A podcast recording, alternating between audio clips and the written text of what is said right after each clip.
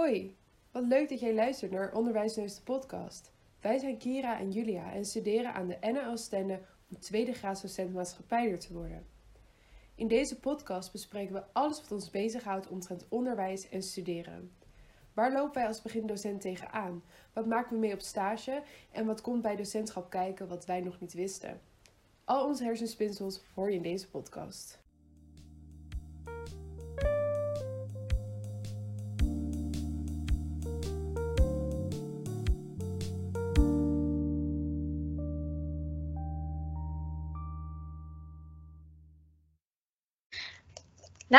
Daar zitten we weer. Hallo Kira, Hallo. wat leuk! Ja, nou dus ja. Weer terug naar onderwijs. Vorige week even uitstapje naar de verzorgingsstaat. Maar we zijn weer terug bij waar we ooit mee zijn begonnen. En vandaag met een heel leuk onderwerp. Ja, Zeg best maar.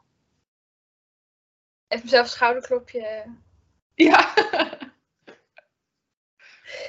Want we gaan het hebben over. Wat maakt iemand een goede docent? Wat maakt van een gemiddelde docent een goede docent? Ja, ja, heel leuk. Iedereen heeft toch wel die docent dat als je nu denkt aan je middelbare schooltijd, of aan je MBO of HBO of eh, universitair, dan, dan denk dan, ja, er is gewoon een docent die nu in je hoofd schiet. Dat weet ik zeker. Ja, gewoon ook van alle jaren, gewoon van basis naar Ja, naar, uni of naar HBO. Ja, ik weet niet. Ik denk dat iedereen wel wat heeft. Heb jij nog een goede herinnering aan een goede docent? Dat je denkt van die zit echt nog steeds in mijn hartje. ja, oh, ik had een wiskundedocent en ik bakte er echt helemaal niks van. Oh nee. en oh, die, hij bleef zo geduldig. En ook al vroeg ik het zes keer, hij was zo aardig altijd. En hij legde dat op zes verschillende manieren. En zo vriendelijk. En eh, ja, gewoon heel, ook gewoon heel fijn persoon. Ook een hele leuke persoonlijkheid gewoon. Dus ja, hij is me wel altijd bijgebleven. En jij? Ja, ik heb altijd. Mijn lievelingsdocenten zaten altijd op de vakken die ik niet zo leuk vond. Of waar ik niet zo goed in was vaak. Andere docenten waren ook allemaal heel erg leuk. Ik heb nooit echt hele vreselijke docenten gehad. Maar mijn docent Eco die kon aan het puntje van mijn neus zien dat ik iets niet begreep. Docenten zeggen, oh je moet vragen. Hij zag het gewoon. Hij wist gewoon dat die debit en credit, dat dat niet bij mij binnenkwam. En dan kwam je bij me zitten en legde hij het ook wat jij ook zegt, gewoon tien keer op verschillende manieren uit. Totdat het bleef hangen. En dat was gewoon heel fijn. En mijn wiskundedocent was niet een hele leuke man. Maar die kon echt uitleggen, joh. Dat was echt bizar. En ja, toen kreeg ik een andere wiskundedocent. En toen kwam ik er dus pas achter hoe goed hij eigenlijk was. In wat hij deed. En ja, en een hele leuke docent in Nederlands heb ik altijd gehad op de, in de onderbouw. Dat was echt... Die vrouw die was zo vrolijk altijd. Daar werd je gewoon... Maar wij konden niet een probleemklas bij haar zijn, omdat ze gewoon een soort Disney-prinses over ons was. En Oh, zo leuk. ja, zo leuk. Ja. En heb je dan ook een overkoepelend iets waarvan je denkt... Oh, al mijn... De docenten die ik destijds goed vond, waren allemaal geduldig of weet ik veel. Ja, geduldig. Oh, ja, dat zeker. Dat moet ook wel. Als je, ja, echt scheikunde natuurlijk en de wiskunde, daar bakte ik helemaal niks van. Maar ja, geduldig, maar ook gewoon ehm, dat ze echt de tijd voor je willen nemen. Want ze willen echt, ze, ze- je voelt gewoon aan hun intentie dat zij willen dat jij dat vak haalt. En dat is, nou, als leerling, of dat ik tenminste, dan voel je gezien, omdat zij willen dat jij het ook haalt. En dat is zo fijn. En bij jou?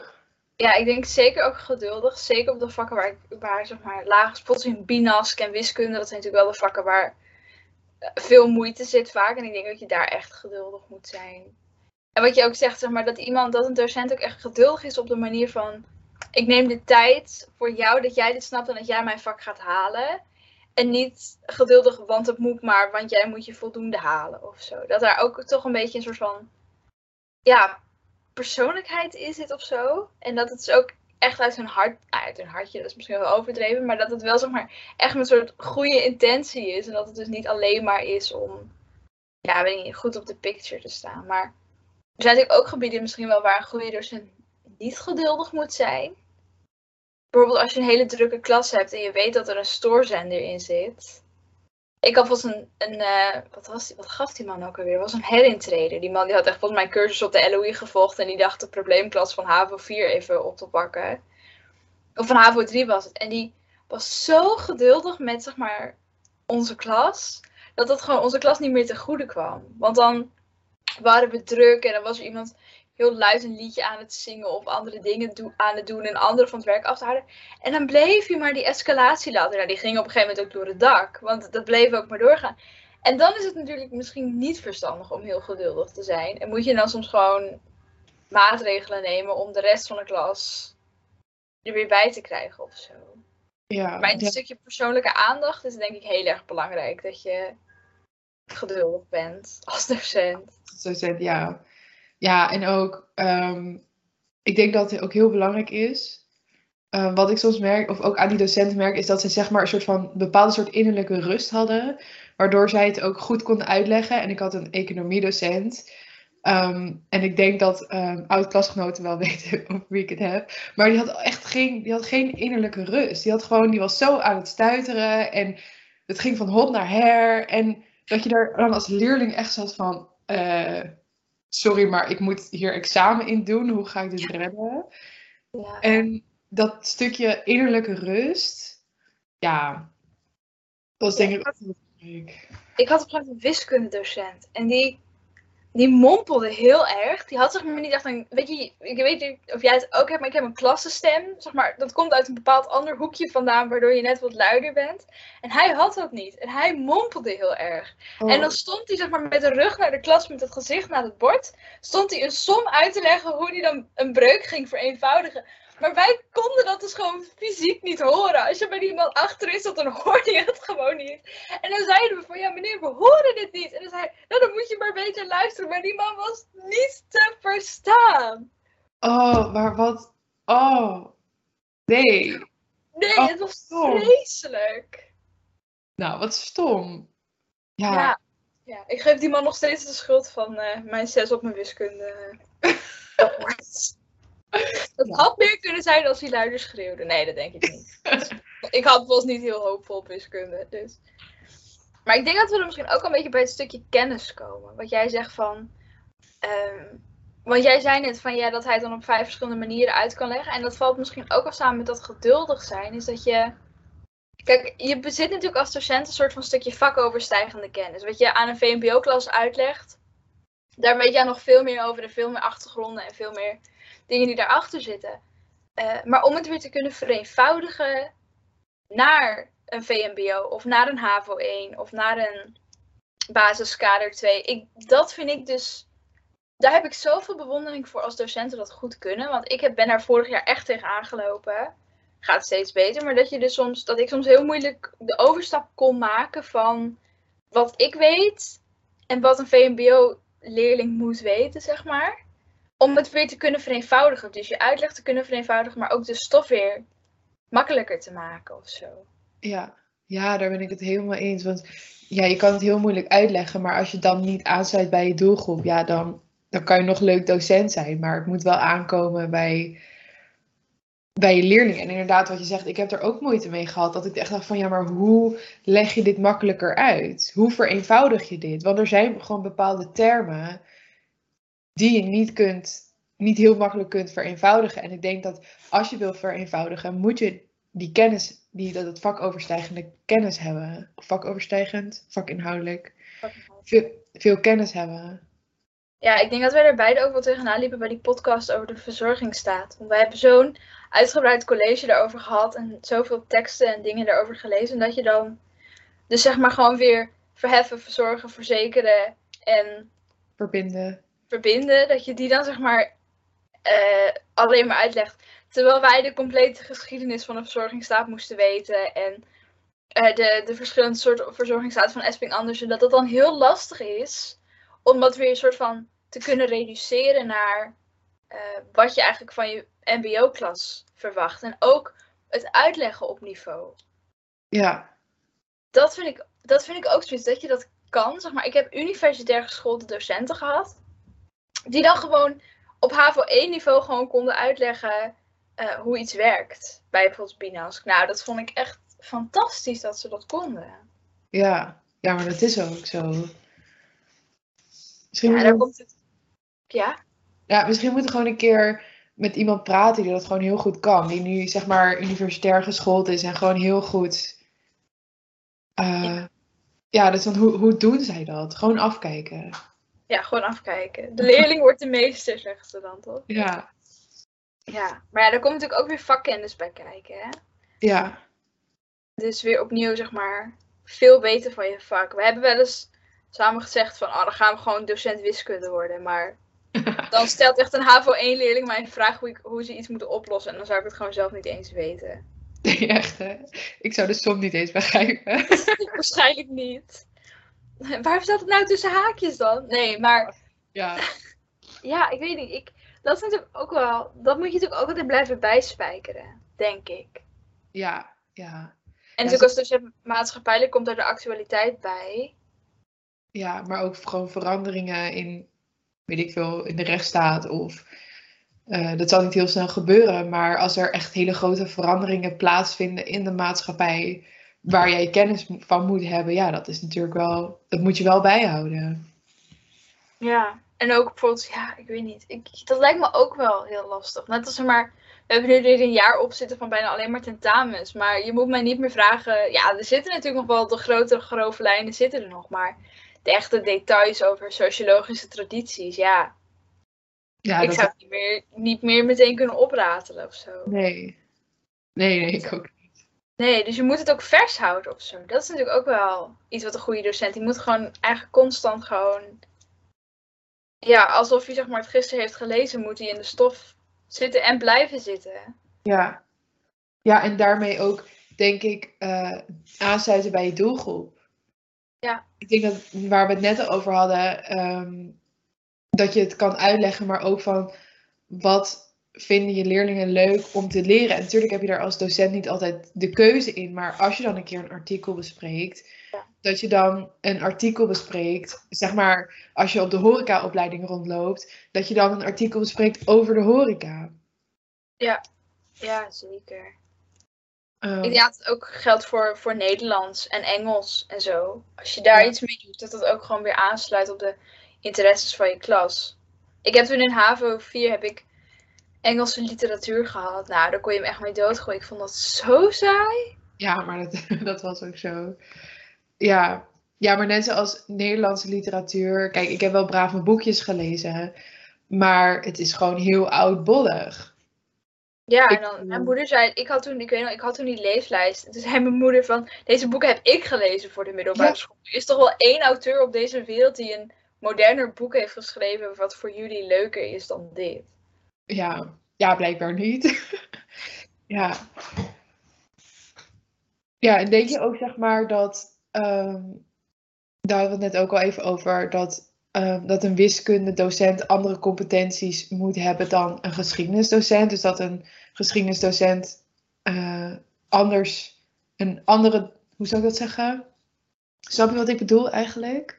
Ja, andere, zeg maar, de talenten dat die misschien een beetje verschuiven of zo. Dat zeg maar, Ja, wat bij het ene vak belangrijker is, is bij het andere vak misschien minder belangrijk. Bedoel je dat? ja, Ja, nou ja, wat we net al zeiden, ik denk dat je als wiskundedocent soms geduldiger, dat je geduld vaker wordt getest bij wiskunde als dat het wordt bij bijvoorbeeld maatschappijleer. ja, Want in maatschappijleer heb je natuurlijk niet echt een goed of fout. En natuurlijk kan iemand het niet snappen, maar dat is toch weer anders of zo. Dat is veel schematischer en bij maatschappijleer kun je ook denk ik dingen vaker op een andere manier of op een andere benaderingswijze iemand voorschotelen.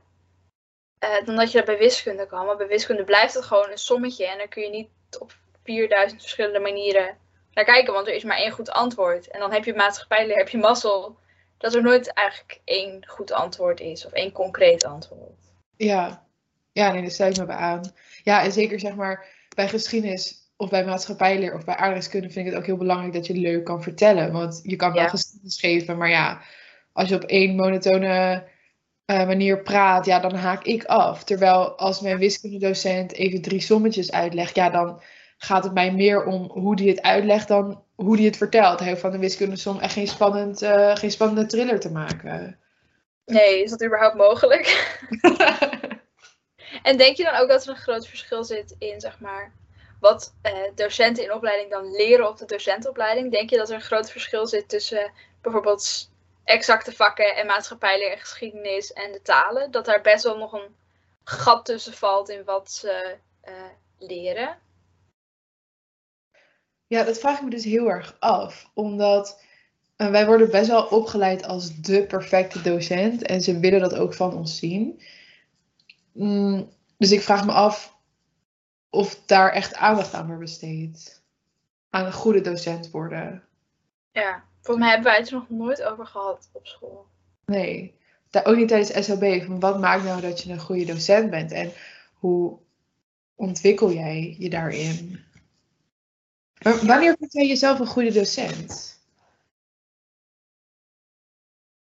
Ja, jeetje. Nou, sowieso niet ehm, als het ergens op een papiertje staat of zo. Als ik mijn diploma heb, ben ik niet een goede docent. Daar, daar, dat, dat is denk ik een beetje raar om dat te zeggen. Maar ik denk dat als je. Ja, ik weet niet. Ik denk dat als je fysiek ziet dat de stof beklijft en dat een klas je vertrouwt, en dat, dat ze dus gewoon. Ze hoeven niet allemaal voldoende te halen. Dat is, dat is denk ik ook een. Ja, een utopie of zo. Dat je dat gaat, ooit gaat bereiken. Maar wel gewoon dat, ze, dat je ze erbij kan houden. En dat je dus. Uh, onze SLB vertelde toen een keer dat ze toen een les had gegeven aan haar VMBO maatschappijlijke En dat ze dan ochtends bij haar binnenkwamen en dat ze dan zeiden: Oh, mevrouw, heeft u het nieuws ook gezien? Dat soort dingen. Ik denk dat je dan een goede docent aan het worden bent. Dat je dus ze eigenlijk niet eens misschien het verschil tussen een, uh, tussen een rechtsstaat en een niet-rechtsstaat leert, maar wel dat ze bepaalde inzicht krijgen in maatschappelijke problemen en waarom dingen in de wereld gaan zoals ze gaan. Ja, dat ik dat heel erg belangrijk vind. Ja, dat eigenlijk uh, ja, die verzorgingsstaat wordt dan bijzaak. Ja, die, die, die verzorgingsstaat is bijzaak. Ja, eigenlijk wel. Ja, ja ja, nee, ook, ja, dat vertrouwen vind ik ook heel belangrijk. Zeker bij een eh, VMBO-klas of bij een MBO. Ehm, ja, als ze je vertrouwen, dan. Dat, ja, er was ook een podcast-aflevering over bij Vrienden van het Onderwijs. En daar zeggen ze ook van ja, als jij je vertrouwen hebt van je leerlingen, kun je zoveel meer bereiken dan dat jij op de achtergrond blijft en dat je maar de docent bent. En daar kon ik, dat vond ik zo'n zo goede uitspraak. Dat ik dacht van ja, het is, gaat ook om om vertrouwen die je opbouwt en om wat jij uitstraalt als docent. Ja, en hoe zou je dan vertrouwen in een klas, hoe zou je dat, dat dan winnen? Is, is daar ook over gepraat? Ik ben altijd heel erg benieuwd. Zeg maar, natuurlijk kun je dat wel zomaar kweken door de tijd, maar zijn er ook echt manieren hoe je dat een soort swing kan geven of zo? Goeie. Nou ja. Hmm. Geen onverwachte SO's geven. Onverwachte SO's geven. Maar ik denk dat vertrouwen misschien ook heel erg zit in uh, regelmaat. Dus dat, je, dat ze weten waar ze aan toe zijn. En het hoeft ook niet na les 1, als je elkaar voor het eerst ziet, dat, je, dat ze je gelijk vertrouwen. Hè? Wat je zegt, dat daar gaat ook tijd overheen. Maar dat je wel probeert een, een band op te bouwen door met ze te praten of door te vragen hoe het gaat. Of even bij de deur te zeggen, hé, hey, wat zie je er? Of heb je nieuwe bril of zo, weet ik veel. Gewoon die kleine en ook misschien het vertrouwen geven dat ze het kunnen. Ja, dat denk ik ook. Zeker bij MBO en zo. Ik denk dat dat ook heel erg belangrijk is. VMBO, entree. Ik denk dat dat echt. Uh, ja. Ook... ja. En wat je ook zegt, dat ze weten wat zij aan jou hebben, wat jij aan hun hebt. Dat je zeg maar consequent bent daarin. Ik denk dat dat ook heel erg uh, helpt. Dat zeker. Denk je ook dat er verschil is in um, wat iemand een goede docent maakt en het niveau waarop zij onderwijzen. Denk je dat daar een groot contrast in zit? Of zit daar überhaupt een contrast in? Of als zeg maar, stel je bent een universitair geschoold docent en geeft les op het VWO. Uh, kan je dan die volgende week ook beginnen op het VMBO? Ja, ik denk dat het heel erg van de persoon afhangt. Want als jij echt, ja, er zitten gewoon docenten tussen waarvan je denkt van, nou, wat doe jij al op de HAVO of op het VWO? Ehm, ja, ik denk dat je daar uh, veel gevoel voor moet hebben. Wil je ook bij uh, ja, VMBO en MBO les willen geven? Want het is, ja, zoals we net al zeiden, het gaat niet alleen over theorie. Het gaat ook over die band opbouwen, over veilig leerklimaat. Ehm, ja, maar ja, ja, goede vraag eigenlijk. Wat denk jij? Ja, ik denk dus dat er best wel een wezenlijk verschil in kan zitten. Maar ik denk dat dat ook te maken heeft met ervaring. Zeg maar, als jij vijf jaar lang al hebt lesgegeven op bijvoorbeeld het VWO, ik denk dat dan de stap naar het VMBO moeilijker wordt. Ik denk dat je een bepaald soort flow in een klas krijgt. Zeg maar, stel ik zou mijn opleiding afronden op uh, VMBO.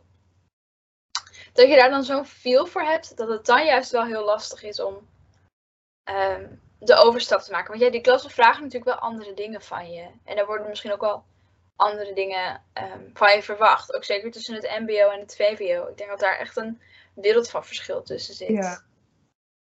Ja.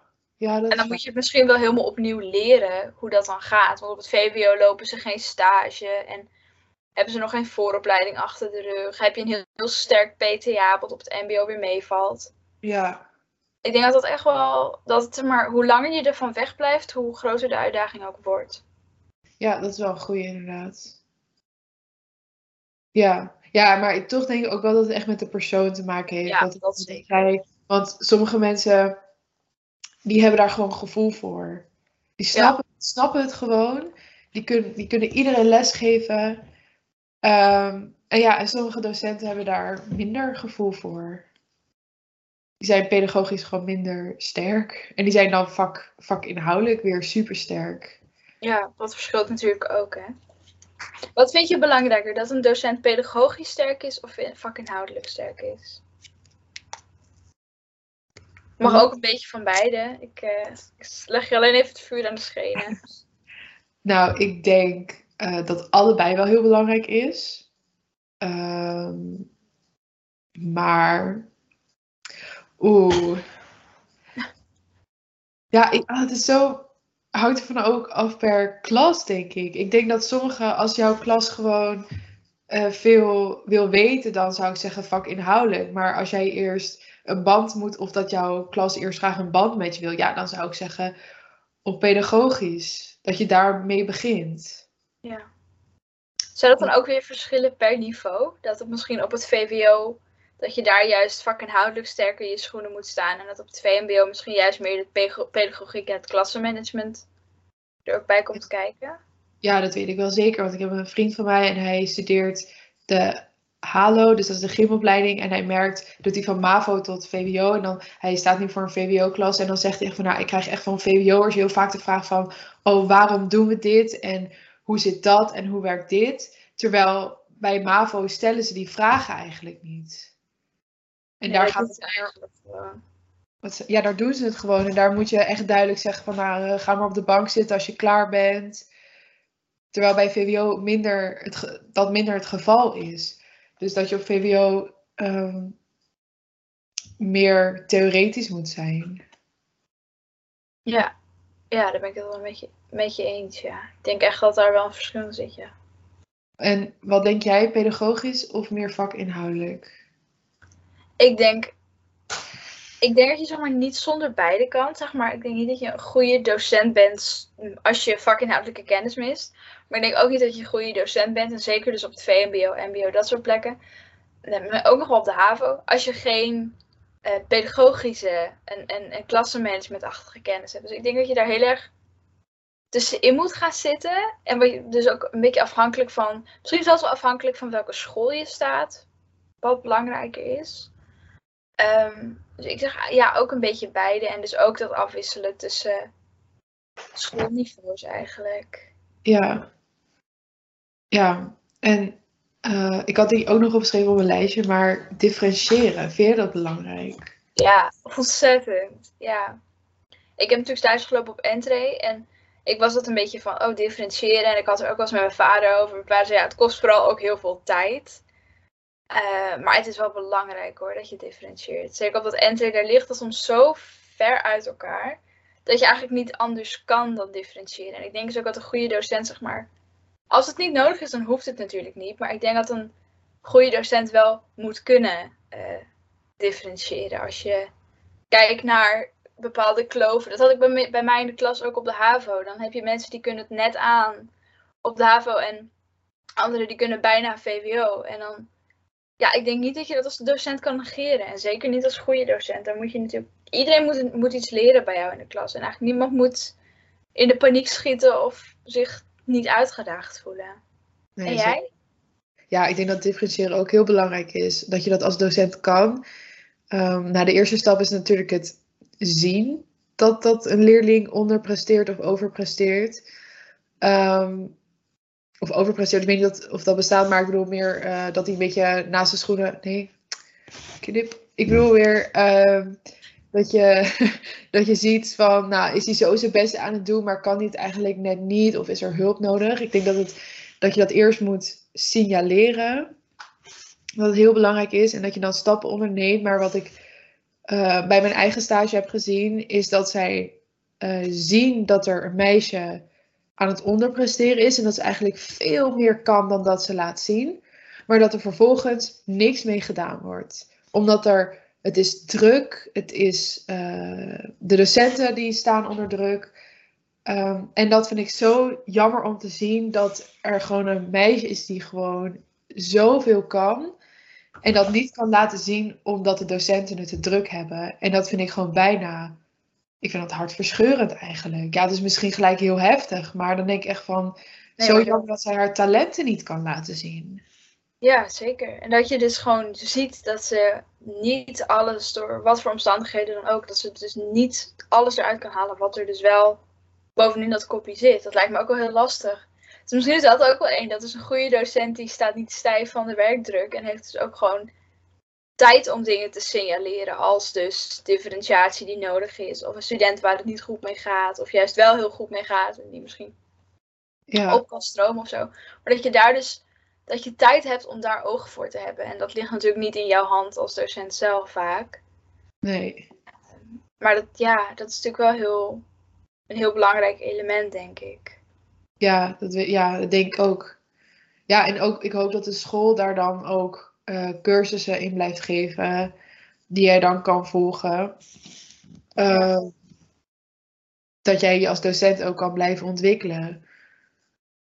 Ja, en ook rekening mee houden. Hè? Dat je dus, als je dus merkt dat de werkdruk op school heel erg hoog oploopt, dat je misschien toch moet kijken naar mogelijkheden om nieuw iemand aan te nemen. Of wat jij ook zegt, om cursussen te geven. Of de werkdruk op welke mogelijke manier, dat, dat is natuurlijk niet aan ons. En ik weet er ook niks van. Maar dat je daar toch iets mee moet doen. Omdat dus de kwaliteit van je onderwijs daalt Ja, door die werkdruk. Dat lijkt me Ja. wel heel erg dat dat, zeg maar, wat jij dus ook zegt met dat meisje, maar überhaupt dat je dus merkt dat je gewoon, zeg maar, vervreemd van waar je docentschap eigenlijk om gaat. Doordat het zo druk is. Dat is denk ik wel een van de ergste dingen dat wat kan gebeuren als je Ja. docent bent. ja. Heb jij nog meer punten op het Ja, lijstje? ik had nog motiverend opgeschreven. Oeh. Want het is natuurlijk een utopisch beeld om te denken dat al je studenten gemotiveerd jouw klaslokaal binnenkomen. En dat die motivatie uit hunzelf komt. Ehm, dus ik had gezegd, ja, een goede docent moet gewoon ook motiverend zijn.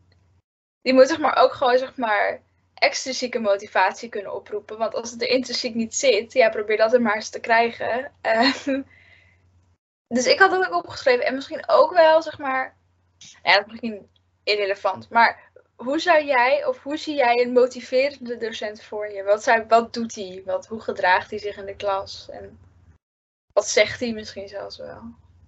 Jeetje, wat een wat een brede vraag. Nou ja, ehm, nou ja, ik denk dat je, je zal nooit, als je 32 leerlingen in je klas hebt, zal je nooit ehm, iedereen bereiken met jouw motivatie. Maar ik denk als jij ehm, je vertrouwen uitspreekt naar de klas van, hey, eh, wat, goed, wat zijn jullie goed aan het werk? Of eh, wat, fijn dat jullie, wat fijn om jullie te zien. Of eh, ehm, ja, en gewoon je lessen ook laten aansluiten bij de doelgroep op wat zij interessant vinden.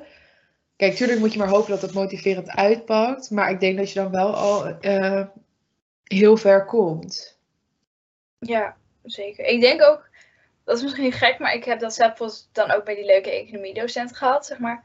ik zat er op een gegeven moment niet meer voor mezelf. Want ik vond er echt geen zak aan. En ik vond het niet leuk. En ik vond het moeilijk. Ik vond het lastig. Maar toch kwam je voor hem. Hij had een soort van gunfactor dat je ook niet zeg maar geen lessen ging, ging volgen. Of dat je. Zeg maar, ik wilde mijn examen of mijn tentamens. Ik heb nooit een examen gedaan door corona. Maar mijn toetsen wilde ik zeg maar ook niet zakken voor hem. Zeg maar, ik wilde hem trots maken. Hij had een hele grote gunfactor voor mij. En ik denk dat dat misschien ook mee hebt. Dat als de studenten jou leuk vinden, dat ik dan misschien ook wel wat meer loskomt of zo. Dat ze zich misschien wel gemotiveerd gaan voelen doordat ze zeg maar. Doordat je gewoon een goede band met ze hebt en dat ze je leuk vinden en dat jij hun leuk vindt. En, Ja, Ja. Dat, ja, dat zeker. Maar dat motiveren, dat, dat vind ik nog wel lastig. Ik merk ook zeg maar op stage dat je dan iemand die zit dan onderuit gezakt en het boeit dan helemaal niet. En dan denk ik echt van, hoe ga je dit nu aanpakken? Hoe ga je nu zorgen dat deze persoon voor deze les gemotiveerd raakt om iets te doen? ja. En dat is, ja, dan denk je echt van, ga je er wat van zeggen of niet? Of laat je het zo? Ja. Ehm, dat is soms wel een, eh, een dilemma.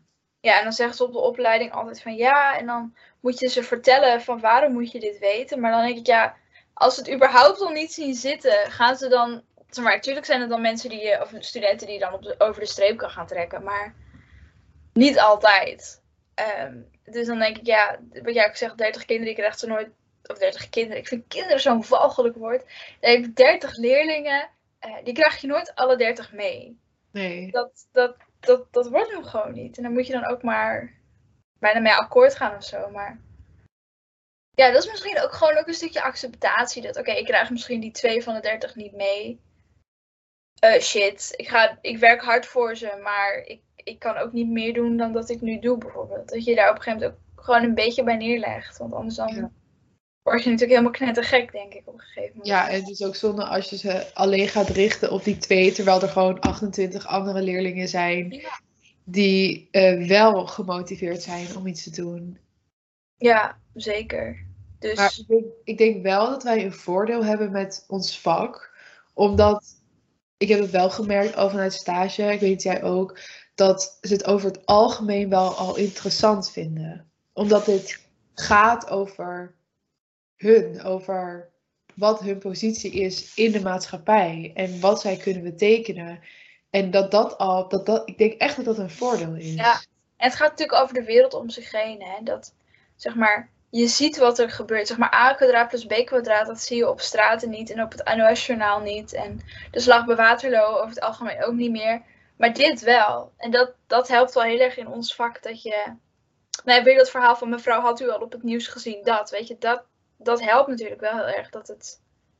Het is, het is nu al, maatschappijleer is nu al, het is nu en om je heen. En dat is gewoon wel, dat trekt vaak de aandacht. En natuurlijk ook de discussies en dat je gewoon ook met de docenten discussie aan kan gaan. Ik denk dat dat ook wel motiverend werkt. Dat had ik tenminste bij maatschappijleer altijd. Ik vond altijd heel erg leuk om dan te praten over dat soort dingen. Omdat je een keer, omdat het een keer een beetje open is. Kijk, over, over bepaalde historische gebeurtenissen, weet ik veel, de bestorming van de Bastille, daar kun je eigenlijk niet meer over discussiëren. En dat twee keer twee vier is, daar kun je ook niet over discussiëren. Maar over bijvoorbeeld klimaatverandering, eh, hoe dat moet worden aangepakt, of het überhaupt echt is, weet jij veel. Daar kun je wel over eh, praten. En dat is natuurlijk wel heel erg leuk.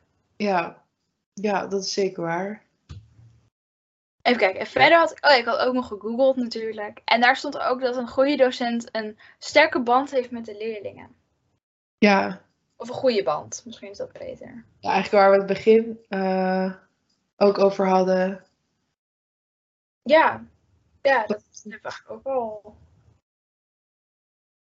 Oh, en nog, dat beschikt me nu te binnen. Leuke lessen met ook een beetje afwisseling. Ja, En de flitsende PowerPoint of zo. Eh Kahoots en dingen. Ik denk dat dat ook een goede docent maakt. Dus als je docent, als docent ook blijft innoveren. En niet zeg maar blijft hangen op die ene PowerPoint layout die je al 24 jaar gebruikt of zo.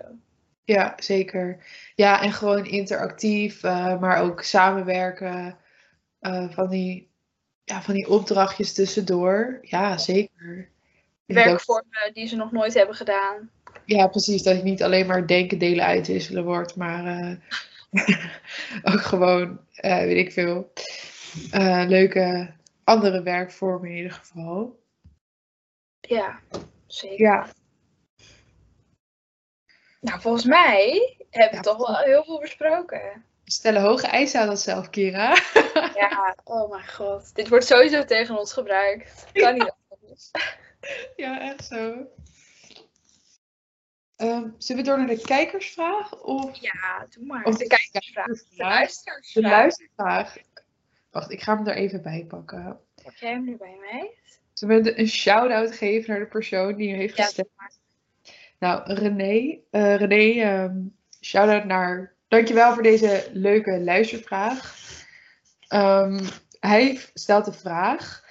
Wat vinden jullie van vakoverstijgende projecten op de lerarenopleiding? Nou, heb je even. Nou, laten we eerst even uitleggen wat vakoverstijgend is, voor degenen die dat nog niet weten.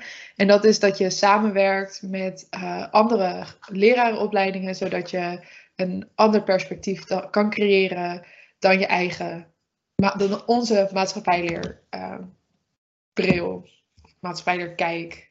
Dat je ook even de aardrijkskunde kijk, kan, bril kan opzetten en even de geschiedenisbril kan opzetten. Ehm, dus dat. Maar Kira, brand los. Ik vind het eh, altijd een bijzondere aangelegenheid. Laat ik daarmee beginnen. Eh, omdat het logistiek eh, vaak een zootje is. Want kijk, als je met mensen van maatschappijleer samenwerkt, ehm, we hebben allemaal hetzelfde rooster. Weet je, we zijn gewoon vijf of twaalf studenten ehm, en dat gaat prima. Dus dan kun je gewoon zeggen van, goh, gaan we na een college even zitten. Maar als je dan met mensen werkt van andere opleidingen, die je trouwens nog nooit hebt gezien, dat is ook misschien wel grappig, die je nooit hebt gezien, dan is dat zo chaotisch. En iedereen heeft een ander rooster. En iedereen die heeft andere taken. En de een heeft een bijbaantje. En de ander heeft een hond die die moet uitlaten. Weet ik veel. Maar er is altijd wat. En dat maakt het logistiek wel echt ontzettend lastig. Ja. Ja, Ja. je bent het eens. Oké, gelukkig. Ja, ik vind het ook gewoon heel ongemakkelijk. Want dan zit je en dan is echt van, hey, hey, weet je, ja, ik vind het heel ongemakkelijk. En uiteindelijk ontbreek je die ongemakkelijkheid wel. Maar ja, ik, weet je, Kira en ik hebben zo'n band dat wij tegen elkaar kunnen zeggen van, nou, vriendin, doe het even anders, weet je wel. Maar het is niet dat ik tegen mijn groepsgenoot, die ik nog maar twee dagen ken, zeg van, nou, wat je nu hebt gemaakt, slaat echt nergens op. Dat, dat, dat maakt het toch lastig. Ja, en ja, dat klinkt zo lullig om wat nu te zeggen, maar er zit ook gewoon best wel een verschil in kwaliteit. We hebben vorig jaar hebben we ook eh nou, onze opleiding overstijgende, een opleiding overstijgend project gedaan met dus ook andere docentenopleidingen. En toen, toen moesten we lesdoelen formuleren en toen wisten ze dus niet eens hoe je een normaal lesdoel formuleert. Eh, ze, maakten, ja, ze maakten wel een lesdoel, maar het was niet toetsbaar. En dat is het nummer één element dat je dus kan toetsen. De, de leerlingen weet kun je niet toetsen. De leerling kan uitleggen wat, dat kun je toetsen. Ja, Eh, maar dat wisten zij niet. En toen zeiden ze dat ik het fout deed. En dat waren hele rommelige situaties. En dat is wel lastig. En ook gewoon verschil in kwaliteit, onderzoeksvaardigheden, ICT-vaardigheden. Daar zit gewoon best wel een kloof tussen. En dat vind ik soms best wel lastig. ja, dat is ook lastig. Ja, dat merken we nu ook weer. ja, of dat je merkt dat de motivatie anders is. Want ik merk dat wij zijn best wel eh, ja, gestructureerd. En dat je dan bij een groepje komt waarin dat heel anders is. En dan moet je aanpassen. En dat is op zich geen probleem. Maar als je dat al heel lang doet zoals je het doet. En het gaat al anderhalf jaar goed. En dan moet je het aanpassen. Dat vind ik pittig. Ja, en ook eh, bepaalde de kwaliteitseisen op onze opleiding liggen best wel hoog. Ja. En dat is dus bij andere docentenopleidingen iets minder. En dan merk je dat dus ook, dat dat gewoon best wel anders is. En dat je dus ook met een andere manier van werken erin gaat. Zeg maar fine-tunen en dat soort dingen, dat kennen zij gewoon bijvoorbeeld ook helemaal niet. Of sommige mensen, natuurlijk is dit echt super generalisa- generalisatie. Maar er zijn ook mensen op onze opleiding die het juist heel lastig vinden. Vergeleken bij wat hun groepje kan. Maar ja, ik vind dat ook wel eh, pittig dan. Dat ik dan soms denk van, oh, oh dit, is, dit, zou, dit zou bij ons meteen teruggemaild worden. Als je dit in zou leveren met zoveel spelfouten of met zo'n rommelige zinsopbouw. Dan had je meteen opgekund voor de herkansing. Ja. Nou, je, je leert er wel veel van. Natuurlijk is dat wel zo, maar Ik krijg er ook wel eens een beetje hoofdpijn van.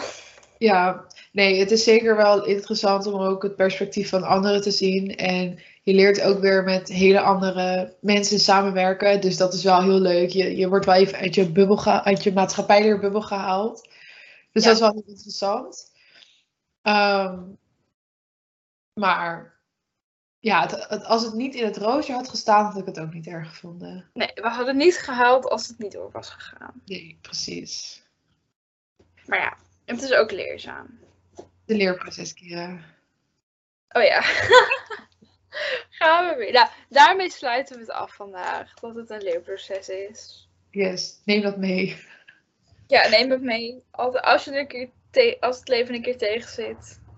Want alles een leerproces. Precies. Nou, dan zien we Ja. jullie de volgende ronde. Ja, tot de volgende ronde. Dag.